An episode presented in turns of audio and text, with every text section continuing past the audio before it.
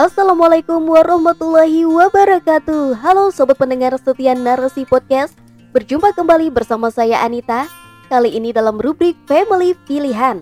Dengan naskah yang berjudul Giat Menjadikan Anak Partner in Dakwah Oleh Dina Nur. Tetap stay tune di Narasi Podcast. Narasi Pos Cerdas dalam literasi media Bijak menangkap peristiwa kunci Sebagai pengemban dakwah, sering kali kita terbentur dengan banyak tantangan. Salah satunya adalah masalah keluarga. Bagaimana menyelaraskan antara keduanya supaya bisa berjalan dengan baik merupakan tantangan dan ujian bagi pengemban dakwah yang juga menjadi orang tua. Dakwah sama pentingnya dengan tugas ayah sebagai kepala keluarga dan tugas ibu sebagai manajer rumah tangga. Meskipun disibukkan dengan pekerjaan mencari nafkah dan segudang aktivitas rumah tangga, berdakwah tetap menjadi pusat kehidupan. Hendaknya jangan mempertentangkan keduanya karena sama-sama kewajiban yang tidak boleh ditinggalkan. Bukankah anak juga merupakan bagian dari umat yang membutuhkan dakwah?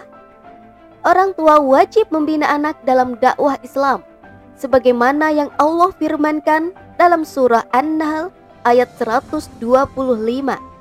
Ajaklah ke jalan Tuhanmu dengan hikmah dan peringatan yang baik, serta debatlah mereka dengan cara yang lebih baik. Sesungguhnya Tuhanmu ialah yang mengetahui siapa yang tersesat di jalannya dan siapa yang mendapat petunjuk. Dengan pengaturan waktu yang baik, keduanya bisa berjalan dengan lancar. Allah pasti memberi kemudahan bagi hamba yang berjalan dalam kebaikan. Mengajak anak-anak ikut berdakwah tak hanya untuk mengajarkan tentang dakwah, tetapi juga meringankan tugas kita sebagai orang tua. Kita bisa berdakwah sembari membersamai mereka.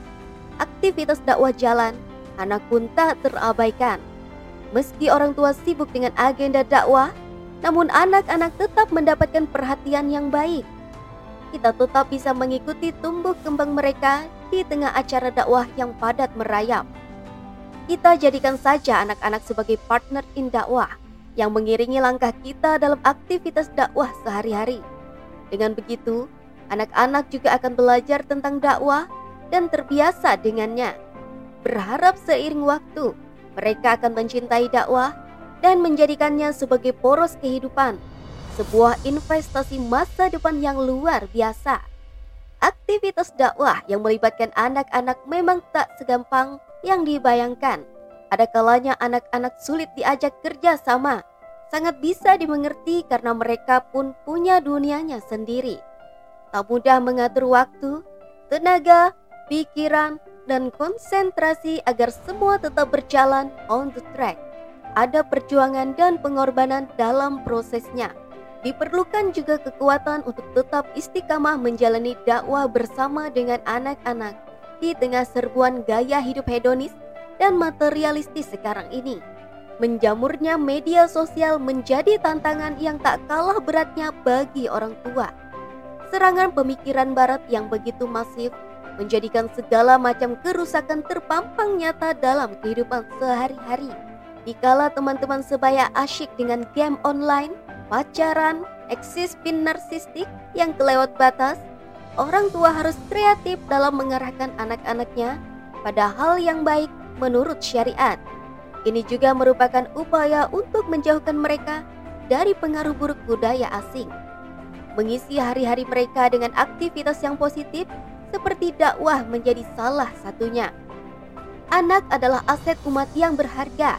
Mereka adalah penerus dakwah berikutnya menyiapkan mereka sekaligus menjadikan sebagai rekan seperjuangan dalam dakwah memerlukan kiat tersendiri. Berikut beberapa kiatnya. Pertama, berikan pemahaman tentang dakwah. Dalam memberi pemahaman tentang dakwah, sesuaikan dengan kemampuan berpikir anak. Berbicara dengan remaja tentunya berbeda bila berbicara kepada anak-anak yang usianya lebih muda memberi gambaran tentang dakwah sebagai kewajiban yang menyenangkan kepada anak-anak akan berbeda sudut pandangnya dengan remaja. Pada anak-anak yang pemikirannya masih sederhana, kita bisa menyampaikan dengan bahasa yang ringan dan mudah dicerna. Sedangkan untuk remaja yang sudah bisa diajak berpikir, kita sampaikan dengan bahasa yang menggugah daya pikirnya lebih dalam lagi. Intinya tetap sama, yakni dakwah adalah kewajiban bagi muslim. Kedua, libatkan dan berikan peranan dalam aktivitas dakwah. Mengajak anak-anak dalam agenda dakwah akan membuat mereka terbiasa dengannya, buat mereka nyaman dan senang. Hindari mengeluh di hadapan anak. Dengan begitu, akan tertanam bahwa dakwah ternyata asyik-asyik saja. Selain itu, berikan mereka kesempatan untuk berperan dalam berdakwah. Arahkan bakat, minat, dan kemampuan anak untuk dakwah. Bila anak suka menggambar, kita bisa tolong padanya untuk membuat gambar berkaitan dengan dakwah yang bisa kita pasang di medsos kita misalnya. Jangan lupa memberi apresiasi padanya, sampaikan bahwa dia juga telah turut berdakwah dan itu mendatangkan pahala baginya. Namun, tetap harus diperhatikan agar jangan sampai anak merasa terbebani. Mereka perlu menyalurkan ekspresi dengan caranya sendiri. Jangan memaksakan kehendak kita kepada mereka Bila mereka tak mau atau tak sanggup, bisa kita coba di lain waktu. Ketiga, tumbuhkan kecintaan pada dakwah. Tak kenal, maka tak sayang. Bila anak telah mengenal dakwah dan terbiasa bersentuhan dengannya, maka itu bisa memunculkan bibit-bibit kecintaan. Orang tua bisa memupuknya dengan lebih banyak aktivitas yang melibatkan mereka dalam berdakwah. Bisa juga kita ceritakan kisah-kisah inspiratif tentang dakwah. Akan berat melakukan dakwah bila tak ada kecintaan padanya.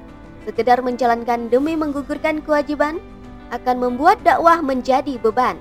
Karena itulah orang tua perlu kreatif dalam memberikan pengalaman dakwah yang menyenangkan dan membekas. Keempat, berusaha menjadi teladan yang baik.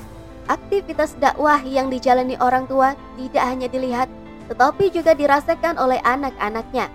Setiap hari melihat bagaimana ayah dan ibu mengikuti kajian, menyiapkan bahan untuk kajian, terjun dalam dakwah secara langsung, atau melalui media sosial, dan melihat sikap-sikap yang baik dalam berdakwah bisa membentuk gambaran pengemban dakwah di benak anak.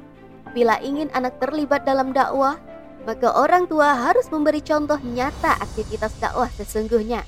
Kelima, sharing is caring. Seringlah mengajak anak mengobrol, Topiknya bisa tentang apa pun. Bila anak sudah bisa diajak berpikir lebih mendalam, seringlah berdiskusi yang agak panjang dengannya terkait berbagai hal. Tanyakan apa yang mereka inginkan, bagaimana perasaan dan pemikiran mereka. Dalam berdiskusi, kita menempatkan diri sebagai teman dan sejajar dengan mereka, namun tetap dalam ketegasan bila ada yang keliru atau tidak pas berbicara dari hati ke hati untuk menyelami dunia anak-anak kita. Dengan begitu, anak menjadi terbuka, tak segan bercerita apa saja karena mereka percaya kepada kita. Mereka tahu bahwa kita bisa diandalkan dalam situasi apa pun. Anak juga menjadi bagian dari umat ini yang harus diurus keperluannya. Memenuhi kebutuhan mereka secara baik adalah tanggung jawab penting. Keenam, percaya pada kemampuan anak. Kita mempercayai bahwa anak mampu memberikan yang terbaik menurut versi mereka masing-masing. Berikan apresiasi dan dukungan yang sewajarnya. Jangan berlebihan atau kekurangan agar ia tak merasa terbebani atau malah tak dihargai. Sampaikan padanya bahwa sekecil apa pun kemampuan yang dimilikinya pasti akan sangat berguna dalam dakwah. Ketujuh, belajar tiada henti. Setiap waktu adalah kesempatan untuk belajar. Dakwah pasti menemui hambatan dan tantangan yang membutuhkan kita untuk terus belajar mencari solusinya dengan tepat. Bersama dengan anak, kita belajar menjadi pengemban dakwah yang lebih baik dari waktu ke waktu. Tak perlu malu bila tak tahu. Yang penting ada kemauan untuk terus belajar. Kedelapan, doa. Doa adalah harapan dan kekuatan.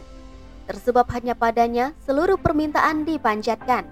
Kita meyakini bahwa hanya Allah yang mampu mengabulkan doa-doa kita. Berikanlah doa yang terbaik untuk anak-anak kita Doakan agar anak-anak kita menjadi insan saleh dan salihah yang mampu memberikan kontribusi dalam dakwah. Wallahu alam bisawab.